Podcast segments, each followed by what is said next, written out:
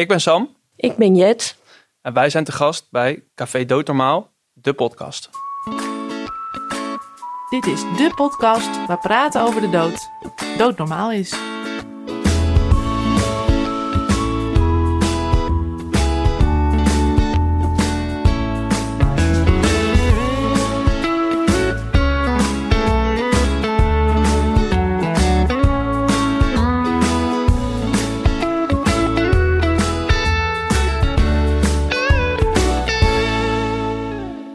Vanuit een leeg kantoor van de NVVE heet ik je welkom bij een nieuwe aflevering van Café Doodnormaal, de podcast. Mijn naam is Gerard Ekelmans en tegenover mij zit Sebastian Hattink. We hebben het de afgelopen aflevering veel gehad over euthanasie bij psychisch lijden. Maar er zijn natuurlijk ook veel jongeren en überhaupt mensen die lichamelijk lijden en op basis daarvan euthanasie willen. Speciaal hiervoor hebben we voor deze aflevering Jet van der Voet en Sam Mellink uitgenodigd.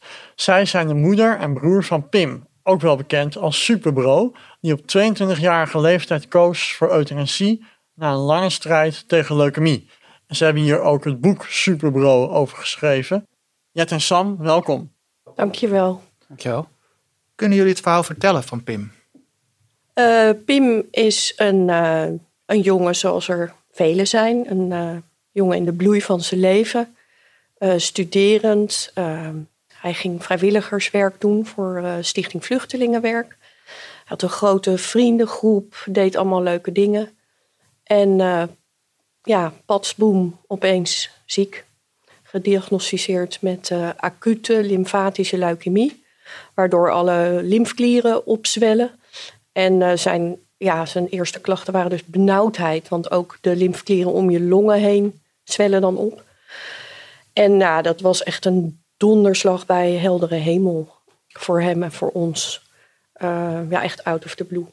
Ja, en toen is hij uh, in het academisch ziekenhuis in Leiden terechtgekomen. Het LUMC. En uh, vanuit daar is hij een jaar lang behandeld en we hebben heel lang hoop gehad dat hij ook wel weer beter zou worden. Hij heeft chemo's gehad, hij heeft een stamceltransplantatie gehad. Maar uh, uiteindelijk ging het toch mis. En uh, kreeg hij verlammingsverschijnselen omdat zijn ruggenmerg beschadigd raakte. En die verlamming die trok langzaam op. Dus hij werd eerst wat wankel. En op, op het laatst waren zijn benen gewoon helemaal niet meer te besturen. Uh, zijn blaas, uh, hij moest een uh, permanent katheter krijgen. Um, zijn darmen werden niet meer helemaal te controleren. Hij kreeg vlekken voor zijn ogen. En ja, toen heeft hij zelf besloten: ik ga zo niet verder leven. Dus dat is in het, in het kort. Maar hij heeft natuurlijk een ehm, verschrikkelijk jaar achter de rug gehad, een vreselijke ziekte. Maar wij zeggen altijd, het was een vreselijke ziekte, maar wel een goede dood. Dus dat, dat is dan nog een beetje iets wat hij zelf ook heeft, ja, onder zijn eigen regie heeft gehad. Uh, waar hij weer zekerheid heeft gevonden. ja, dus het, het einde was niet het ergst, vond ik, van dat hele jaar. Nee, het was wel echt zijn einde. En niet een gedwongen einde door die ziekte of iets. Hij heeft wel zelf die keuze kunnen maken. En gemaakt ook. Want hij heeft dat hele traject ook meegemaakt bij een vriend van hem? Ja, iets meer van de zijlijn natuurlijk. Maar ja. een vriend van hem was, uh, was ziek. Die had, iets, die had een uh, ander soort vorm van kanker. Uh, maar toevallig ook in het ruggenmerg. Dus die kreeg ook die verlammingsverschijnselen. En die jongen had ook vreselijke pijn. Nou, en die is geopereerd, bestraald, immunotherapie. toen nog een keer chemo gaan proberen. En Pim heeft dat gezien ook hoe dat ging bij die jongen en dat hij alsmaar hoop bleef houden, de laatste strohalm nog pakte. En toen heeft hij volgens mij voor het eerst voor zichzelf besloten van dat ga ik niet doen.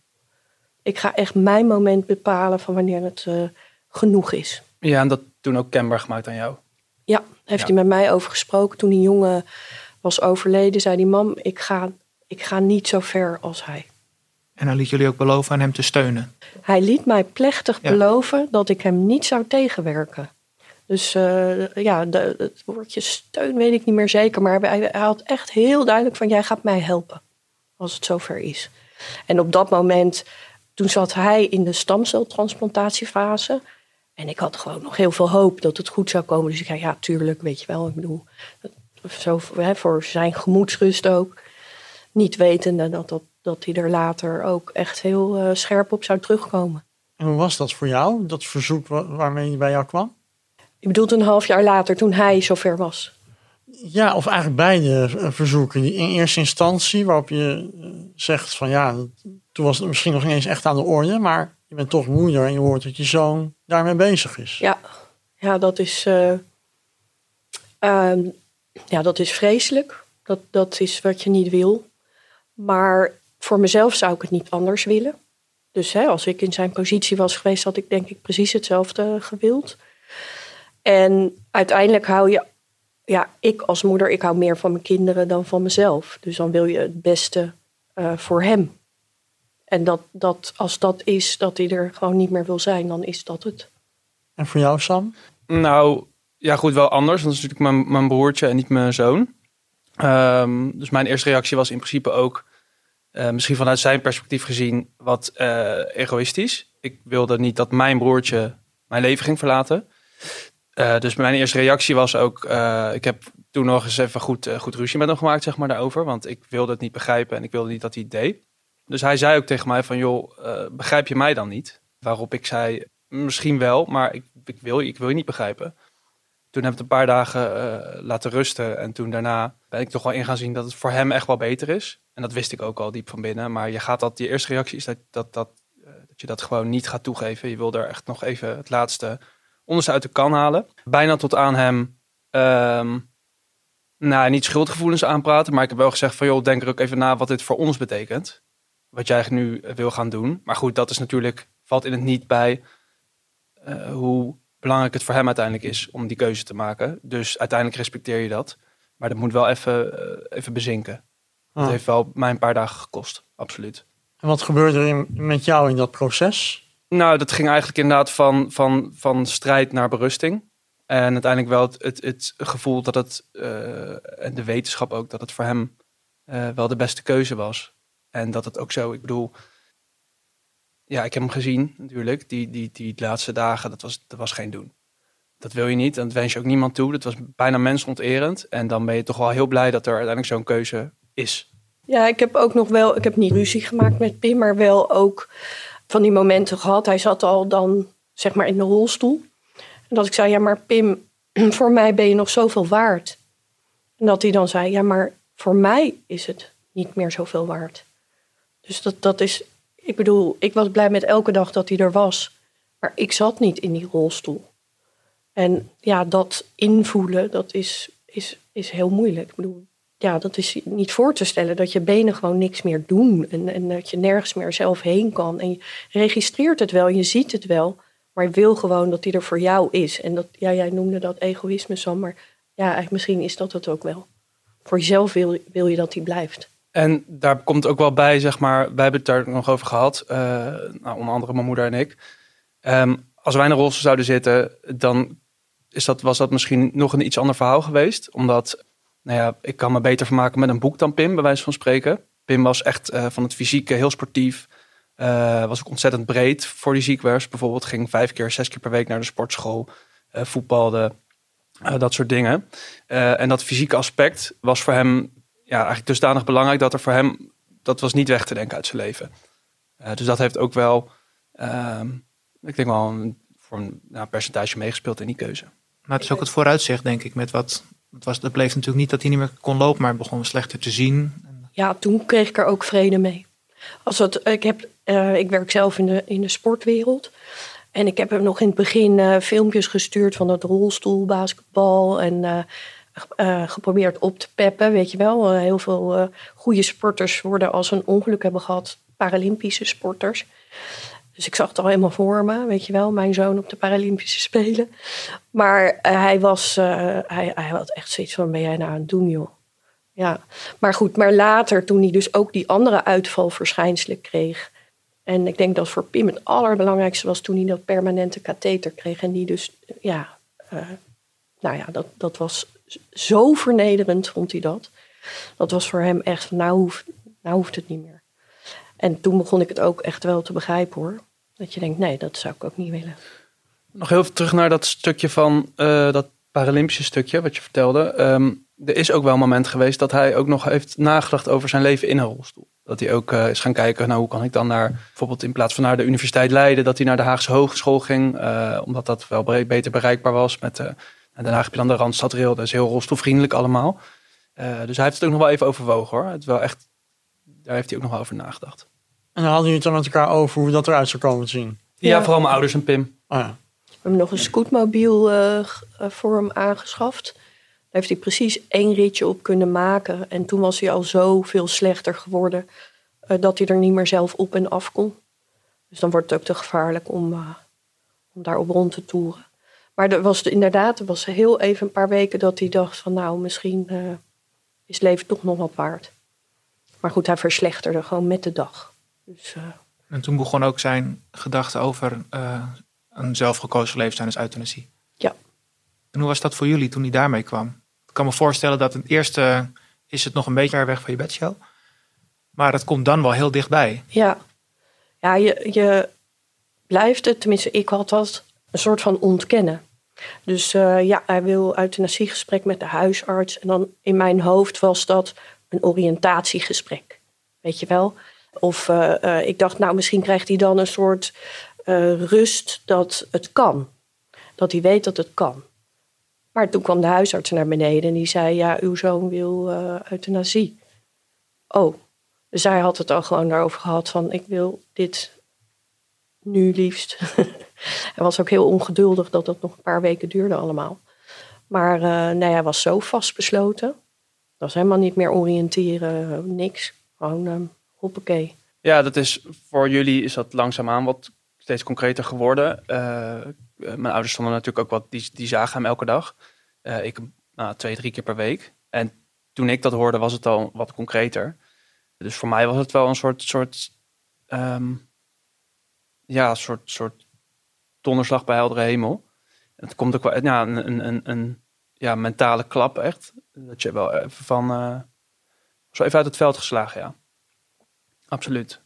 Begrijp ik heel goed. En hoeveel, hoeveel tijd zat daartussen? Dus het moment dat jij het hoorde en het moment van overlijden? Nou, ik had het natuurlijk wel, kijk, mijn moeder belde me wel voor heel veel dingen. Dus ik had het wel het idee dat het, dat het speelde, zeg maar, dat, dat had ik wel meegekregen. Maar omdat, nou, dan, dan kom je thuis en dan hoor je het wat concreter. Uh, en ook van hem. Um, dan wordt het echt. En dan wordt het echt. Ja. En ook wel, uh, ja, in de volle heftigheid. Inderdaad, absoluut. Ik denk dat het uh, drie weken was van het moment van zijn eerste gesprek met de huisarts tot, totdat hij is overleden. Ging best wel snel. Ik dacht dat dat allemaal wat langer duurde. Het is wel met alle stappen en heel zorgvuldig uh, uitgevoerd. Maar het is best snel gegaan. Ja, dat is mij ook opgevallen inderdaad. Dat het wel echt, uh, nou als we het over slagvaardigheid hebben, zeg maar. Hoe snel dat allemaal is, uh, is gegaan. Ja, toen zag dat traject eruit van het moment dat hij zegt, nou ik zou dat willen. Ja. Tot het moment van overlijden. Nou, hij heeft een eerste gesprek met de huisarts gevoerd. En de huisarts wilde ook weten, die heeft, dat was bij ons thuis. Want Pim kon moeilijk meer zich verschepen. Dus de huisarts kwam bij ons. En uh, sprak ook met ons nou, van hoe wij erin stonden. En toen hebben we ook gezegd, nou wij steunen hem. Want een huisarts wil toch wel, als het kan, alle risico's vermijden. Dus ook niet dat een familie later nog moeilijk gaat doen natuurlijk. En de huisarts had een volledig medisch dossier nodig van het ziekenhuis. En ik denk toch ook wel de vasthoudendheid van Pim dat dat allemaal zo snel is gebeurd. Dus die heeft echt afgedwongen dat er nog een afspraak kwam in het ziekenhuis. En dat er een laatste MRI is gemaakt van dat ruggenmerg. Uh, waarin dus echt bleek dat hè, al die beschadigingen zichtbaar waren. Overigens uh, was het ook al naar zijn uh, hersenen opgekropen. Dus het was echt helemaal mis. En nou, toen was dat dossier volledig. En nou, ik denk een week later ongeveer is het gebeurd. Ja. En nou heeft hij voor mij zelf met, of samen met jou een hele mooie wilsverklaring. Ja, we, er waren dus gesprekken met de huisarts meerdere keren, uh, zeg maar bij ons thuis en ook nog telefonisch. Hij moest dus steeds opnieuw zeggen: nee, ik wil het echt, ik wil het echt, ik wil het echt. En uh, het laatst is de, de scanarts geweest, dus die tweede arts met een second opinion. Toen was er nog even sprake van dat er ook een psychiater zou moeten komen omdat Pim aan de antidepressiva zat. En dat zat hij al een aantal maanden. Hij was gaande zijn ziekteproces, was hij echt behoorlijk uh, depressief geworden. Van uh, gaat dit ooit nog goed komen? Nou, dat snap ik. En uh, toen was het was weer hè, dat risico gaan vermijden van dat niet iemand die huisarts kon nadragen van ja, maar u heeft hier een, iemand die depressief was weggeholpen. Dus dat hele medisch dossier, ja, alles was uitzichtloos en ja, totaal. en, en, en dan nog moest die psychiater komen. Nou, er was niemand beschikbaar op dat moment. En toen hebben toch de huisarts en de scanarts besloten van nee, dit is gewoon een volledig dossier. En Pim's wens mag worden uitgevoerd. Vinden jullie het goed als wij in de podcast een stukje laten horen van zijn wilsverklaring? Zeker, ja. Ja, hij kon toen zelf niet meer uh, schrijven, typen, omdat zijn ogen al te slecht waren. Maar hij heeft mij echt letterlijk gedicteerd wat ik op, uh, op moest schrijven. Het is echt zijn taal ook. Die, ja, punt, puntsgewijs ook alle, alle gebreken die hij die, die, die ervaarde. Ja. Die scanarts weet ik nog, dat weet ik nog wel. Die was ook vrij snel weer beneden bij ons. Uh, en ook wel vrij stellig in het feit dat hij vond dat, dat Pim uh, gewoon ja, nou, wilsbekwaam was en heel gedecideerd en uitzichtloos aan het lijden was. Dus dat is wel ook wel uh, nou, ja, een kort maar goed gesprek geweest. Nou, inderdaad in die wilsverklaring, het, de context zeg ik dan, dan maar is het heel mooi geformuleerd. Het is echt, er bestaat geen misverstand over. Was hij ook zo aan jullie toe? Ja, Pim was super duidelijk. Uh, hij was een beetje uh, zwart-wit altijd. Dus hij uh, formuleerde ook ontzettend goed. Dat, dat, die gave had hij sowieso. maar hij, hij kon ook absoluut niet tegen onduidelijkheid of onzekerheid of wolligheid. Of gewoon helemaal rechtdoor. nou, zo is die wilsverklaring volgens mij ook. Nou, laten we een stukje luisteren van de wilsverklaring. Euthanasieverklaring PIM. 9 mei 2019. Ik verzoek mijn arts om euthanasie uit te voeren vanwege het volgende. Sinds maart 2018 ben ik ernstig ziek. Acute lymfatische leukemie. Ik heb meer dan een jaar achter de rug met heel zware behandelingen. Eerst chemokuren, toen een stamceltransplantatie. Ik heb talloze complicaties gehad en bijwerkingen. Ik heb dit alles met heel veel moeite en strijd ondergaan in de hoop dat ik ooit weer de oude zou worden. Op het moment dat men verbetering had verwacht, is het alleen maar slechter en slechter gegaan. Omdat de kanker niet wil verdwijnen uit mijn ruggenmerg en of door de behandeling, zijn er neurologische klachten bijgekomen, waardoor ik sinds begin maart 2019 in een rolstoel zit. De situatie lijkt elke week te verslechteren. Eerst kon ik nog strompelen, maar inmiddels zijn mijn benen twee lamme blokken. Ben ik incontinent en zie ik wazig. De neuroloog heeft aangegeven dat de situatie niet gaat verbeteren en dat ik nooit meer zal kunnen lopen. Daarnaast heb ik nog steeds klachten ten gevolge van de stamceltransplantatie. Ik ben voortdurend ziek en ik ben permanent kortademig en benauwd. Op deze manier wil ik niet verder leven. Nooit meer kunnen lopen. Nooit meer leuke dingen doen die ik eerst wel kon: sporten, voetballen, uitgaan. Voor altijd een verblijfskatheter voor altijd incontinent, geen seks. Moeite hebben met vrijwel alle dagelijkse dingen. Afhankelijk zijn van anderen voor de kleinste dingen. Geen perspectief meer hebben op een gewoon leven met een baan en een gezin. De situatie is voor mij uitzichtloos en ondraaglijk. Er is een grens aan wat ik kan en wil incasseren. Sommige mensen kunnen verder leven in een rolstoel, maar ik doe dit nu een tijdje en kan zeggen: dat het een hel is. De invaliditeit is permanent en beneemt mij mijn kwaliteit van leven. Iedere ochtend als ik wakker word, word ik herinnerd aan alles wat ik niet meer kan en wat voor mij noodzakelijk is om een fijn leven te hebben. Ik kan me niet eens zelf aankleden of zelf naar de wc. Met dit miserabele leven neem ik geen genoegen. Ik besef dat het mogelijk is dat mijn euthanasieverzoek niet wordt uitgevoerd. Ook al heb ik een schriftelijk euthanasieverzoek opgesteld en heb ik dit verschillende keren met mijn arts besproken. Ondergetekend door Pim Melling. Dan, dan vindt de, de euthanasie plaats. Uh, Pim overlijdt. En hoe is dat voor jullie? Eigenlijk leven jullie toe naar het overlijden. Misschien vindt er al wel een rouwproces plaats. Hoe, uh, kun je ons daar meenemen hoe, hoe de dagen en weken daarna voor jullie zijn? Ik denk ja, nog wel echt vol adrenaline. Je leeft er naartoe, dus je bent, ja, uh, het is heel, wat dat betreft heb je, nou, voordeel noem ik het even, van uh, gepland afscheid. Uh, je kan je vragen nog stellen, je kan nog nou, een paar goede gesprekken hebben. En, ehm, Onze vrienden waren er bij, toch? Sorry, ja, die zijn allemaal langsgekomen. Familie, vrienden, eigenlijk iedereen ehm, die langs wilde komen. En die, waarvan Pim ook zelf wilde dat ze nog langs kwamen, want dat waren er heel veel. hij was heel moe voortdurend. Ehm, en registreerde niet alles meer helemaal perfect, denk ik. Weet ik. Dus hij heeft ook wel af en toe mensen buiten de deur gehouden. En uh, daar even mee gebeld of ge, geappt. Hij heeft maar wel iedereen kunnen zien, ook die hij wilde zien. En mijn ouders en ja, ik ook wel, maar vooral mijn ouders zijn eigenlijk overal altijd erbij geweest. Uh, nou, dan komt op een gegeven moment dat moment steeds dichterbij. Zit je samen om zijn bed, krijgt hij, um, ja, wordt het toegediend, het middel, en uh, komt hij te overlijden. Wat ik zelf een heel uh, vredig proces vond. Ja, en daarna begint eigenlijk het, het, echte rouwen, noem ik het even. was vooral ook veel praktische zaken regelen wat betreft het, het afscheid. Dus mailinglijsten, locaties regelen. nou, ja, eigenlijk alles wat erbij komt kijken. maar goed, dat heeft voornamelijk mijn moeder gedaan. En ehm, ja, dan, dan krijg je zoveel aandacht van iedereen om je heen dat je eigenlijk ja, je bent tussendoor ben je even verdrietig, maar je hebt eigenlijk vooral heel veel positiviteit en warmte die, die over je heen komt. En dat blijft nog wel een paar weken, misschien wel maanden zo. En daarna val je pas echt in die leegte. Tenminste, zo heb ik het ervaren. Dat herken ik wel. Ja, die, die laatste dagen waren we allemaal uh, om hem heen. Hadden we allemaal vrijgenomen van school en werk. En uh, waren echt zo mooi. Die laatste, ja, voor mij de laatste twee weken.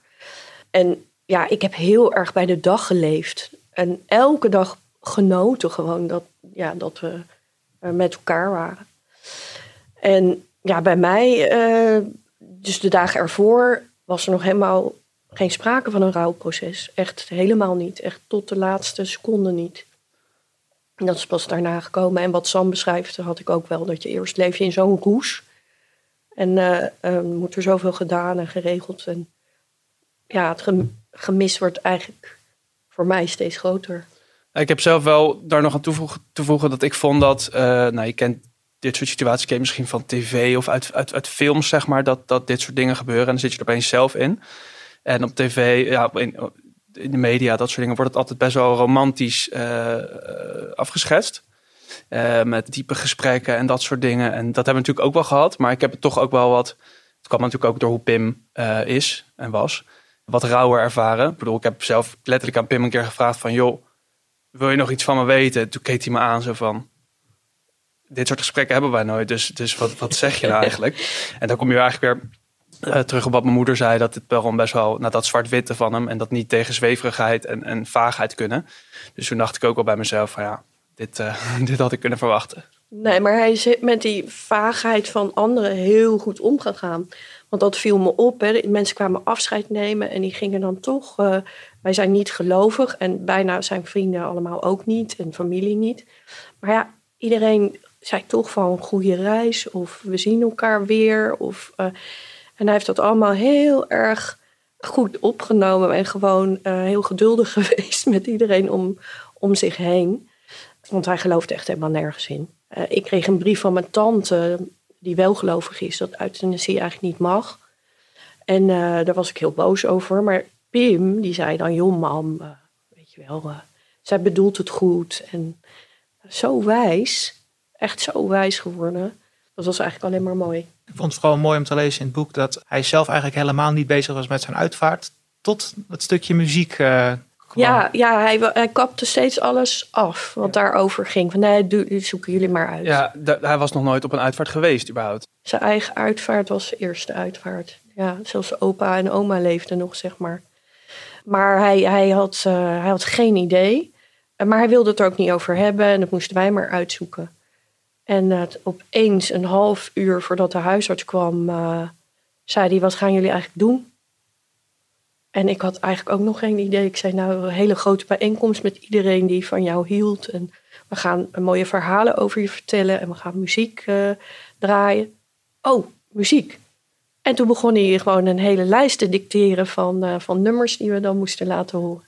Ja, die we overigens wel een beetje gefilterd hebben voor tijdens en na de ceremonie. Er zat ook nog wel wat uh, ja, onorthodoxe teksten tussen. Ehm, maar goed, uiteindelijk op de, de borrel na de uitvaart hebben we wel ook die nummers ruimte gegeven. Volgens mij hebben we toen zijn hele afspeellijst ja. laten horen. Ja. ja. ik weet één nummer van uh, Lijpen. Ik weet niet waar ik morgen ben. En dat was wel zo rauw dat we dachten, nou, mensen gaan vanzelf al huilen op die, dat afscheid. Dit, uh, dit, dit, vonden we te erg. En hoe was het afscheid voor zijn vrienden? Ik heb uh, zelf vanaf zijn telefoon uh, het overlijdingsbericht aan zijn vrienden gestuurd. En ehm, nou, toen merkte hij wel ook aan de reacties dat ze daar wel uh, ook naartoe leefden. Ik moet zeggen, ik ken ze allemaal niet. Ja, ik, ik, ik ken ze inmiddels wel daar, door dat hele proces, uh, maar ook niet heel goed of zo. Maar dat leefde wel absoluut. En ik volgde er een paar bijvoorbeeld op Instagram. En nou, dan zie je ook wel af, ze nu en dan berichten van Pim voorbij komen. En uh, nou, ook met veel reacties eronder. Uh, dus het, het absoluut, ze zijn er zeker mee bezig. En ik denk dat je dat ook wel merkt aan dat ze bijvoorbeeld van de week nog een berichtje hebben gestuurd aan mijn ouders dat ze weer eens willen eten. We doen één keer per, nou, ongeveer per half jaar, dat we dan even samenkomen met z'n allen en gezellig gaan eten, bier drinken. En gaan, vorige keer gingen ze daarna op stap, dat komt toen nog. In ieder geval weet ik dat zijn vrienden naar ons toe ermee bezig zijn. Ik vond dat ze het zo goed oppakten. Ik heb daar echt bewondering voor. Dus, dus ik heb het idee dat met iedere generatie taboe op de dood gewoon minder wordt. Dus uh, waar het uh, voor mijn ouders nog echt heel moeilijk is uh, om daarover te hebben, is het voor mij al wat minder moeilijk. Is het voor de jongeren ja, bijna gewoon, zeg maar. En, en ze, ja, ze hebben echt om hem heen gestaan. Tenminste op de momenten dat Pim dat toeliet. Want hij was ook wel eens zo ziek, dan wou hij niemand zien. En ook op het afscheid, ze hebben ze kist gedragen. Ze, ze, ja, ze zijn zo ook om ons heen gaan staan. En nog steeds heb ik het idee van als wij ze zien, uh, is voor ons Pim er een beetje bij. En ik denk voor hen andersom ook. Dus dat je samen ben je allemaal een stukje van Pim. En dat komt dan bij elkaar. En ik vind dat echt heel troostrijk. Ja, want het boek heet Superbro. Waarom de titel Superbro? Dat heeft te maken met een, uh, een tekening van mijn zusje. Mijn zusje was toen ze die tekening maakte uh, wat jonger. Ik dacht een jaar of tien. Die is inmiddels uh, 16. Dus die tekening was er al wat langer. Die had ze ooit voor Pim gemaakt. Uh, van, uh, nou, het is een, een soort cartoonachtige tekening van een soort uh, Superman met Pim's getekende hoofd erop. En daar staat bij You are a superbro. En tijdens zijn ziekenhuisverblijf is dit altijd meegegaan. Dat kleine in een lijstje. Het heeft altijd naast zijn bed gestaan. Dus vandaar eigenlijk de term superbro. Ik heb mezelf ook op mijn been staan inmiddels. Al nou, twee jaar inmiddels. En um, dat is toen ook de titel van het boek geworden. Stel mensen willen het boek kopen, waar kunnen ze het boek kopen? Ze kunnen het in ieder geval kopen op bol.com. Dus als je Superbro zoekt op bol.com, dan kom je vanzelf bij het boek uit. Er is ook een bijbehorende playlist, Superbro. Die kan je op Spotify vinden. Uh, want ieder hoofdstuk in het boek heeft een, uh, een uh, titel of een, een citaat uit een nummer van Pim's playlist. En ik vind het ook leuk als mensen zich aangesproken voelen door het verhaal om in contact te komen met mensen. Dus als ze zoeken op LinkedIn of Facebook naar Mariette van der Voet, dan kom je op mijn, ja, mijn accounts. En een deel van de opbrengst gaat naar het Goede Doel? Ja, Goede Doel Stichting Hematon. Dat is de patiëntenorganisatie voor mensen met bloedkanker. mijn ervaring in het ziekenhuis was dat we uh, ja, vaak maar halve voorlichting kregen of wat er allemaal ging gebeuren. En nou ja, we hebben daar echt in een soort molen gezeten. En Hematon um, geeft wel de informatie die begrijpelijk is, heeft ook lotgenoten contact, heeft een Facebookpagina, uh, nou van alles waar Pim ook echt gebruik van heeft gemaakt. En uh, patiëntenorganisaties zijn ook vrijwilligersorganisaties. Dus uh, dragen wij een warm hart toe. En wie is de auteur van het boek? Zijn jullie dat samen? Ik heb het geschreven, maar ik heb het laten nalezen door de vader van Pim, Geert-Jan. en uh, door Sam. Ja, en de uh, muziek hebben we eigenlijk samen gedaan. Tenminste, die, die lijst heb ik uiteindelijk gemaakt. Staat wel op mijn moeders account. Maar de uh, citaten hebben we voornamelijk mijn moeder en ik gedaan. En waarom hebben jullie dit boek geschreven? Nou, het is begonnen eigenlijk omdat een, een nichtje van uh, uh, Sam en mij, dus de leeftijd van Sam in de twintig, vroeg: wat is er eigenlijk allemaal gebeurd? Want voor heel veel mensen om ons heen was Pim toch nog wel heel erg plotseling dood. Omdat Pim uh, zoveel mensen um, ja, op afstand heeft gehouden in de tijd dat hij zo ziek was. Dus die zagen niet elke dag wat er gebeurde en die zijn niet allemaal meegenomen in dat proces. En toen dacht ik, nou, ik ga het opschrijven en een beetje met haar in gedachten. En ook wel met de vrienden van Pim in gedachten, die hem ook niet meer elke dag hadden meegemaakt. Want ik ga het nog een keer allemaal opschrijven. Nou, dat was ook voor mezelf heel, ja, heel erg um, pijnlijk, maar ook fijn om te doen. En het heeft mij ook heel erg opgelucht dat alles nu op papier staat, dat ik het niet meer kan vergeten. En het heeft in die zin mijn hoofd ook wel iets leger gemaakt. Het heeft niet het verdriet minder gemaakt, maar het heeft wel mijn hoofd leger gemaakt. En, uh, nou, en toen hebben we uh, dat boekje laten drukken. En toen kwam er ook wat meer belangstelling dan van alleen maar familie en uh, vrienden. Dus inmiddels hebben we een, ja, een tweede druk al kunnen laten maken. En je bent voorzichtig aan het nadenken over een luisterboek. Ja, omdat er ook mensen zijn in, in onze omgeving uh, die niet meer goed zien. Ik ken een aantal mensen die echt blij zouden zijn met een luisterboek. Maar ook Pim heeft in zijn slechtste dagen uh, veel uh, gehad aan luisterboeken.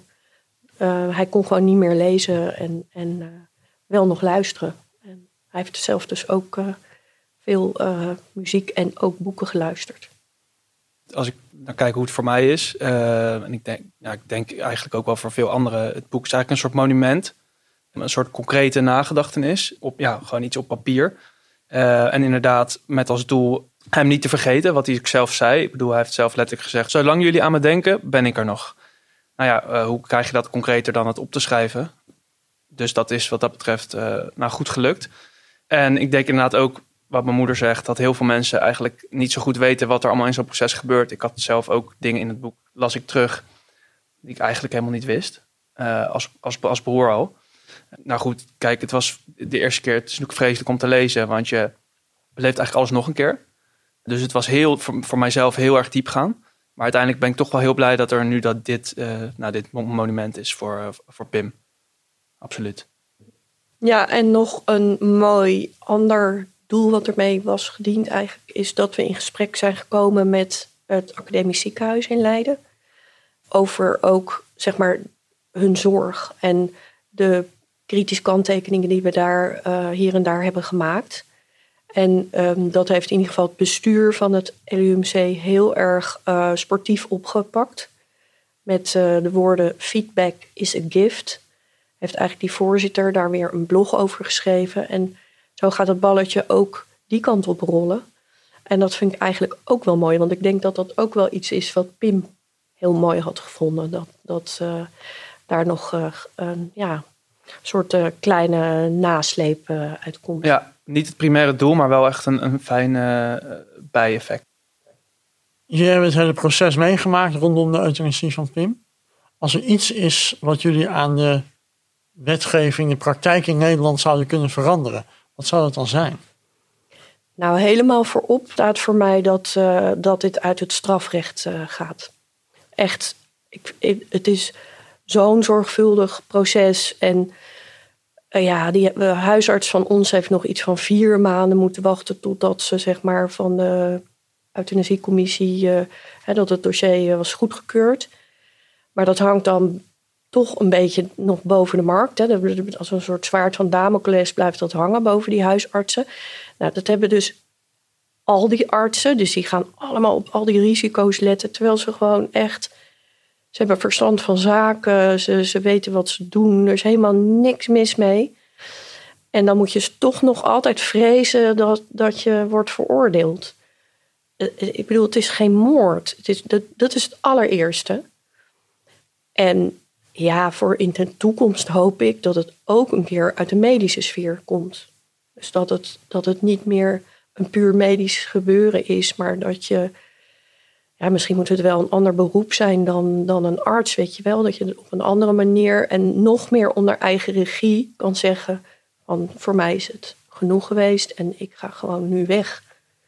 En dan wel met een vorm van toetsing erin? Door dan niet de arts, maar dan de Ja, het moeten geen snoepjes zijn die je, die je gewoon ergens in het schap kan, eh, kan krijgen. Dat snap ik wel. Hè. Mensen moeten echt wel goed erover hebben nagedacht.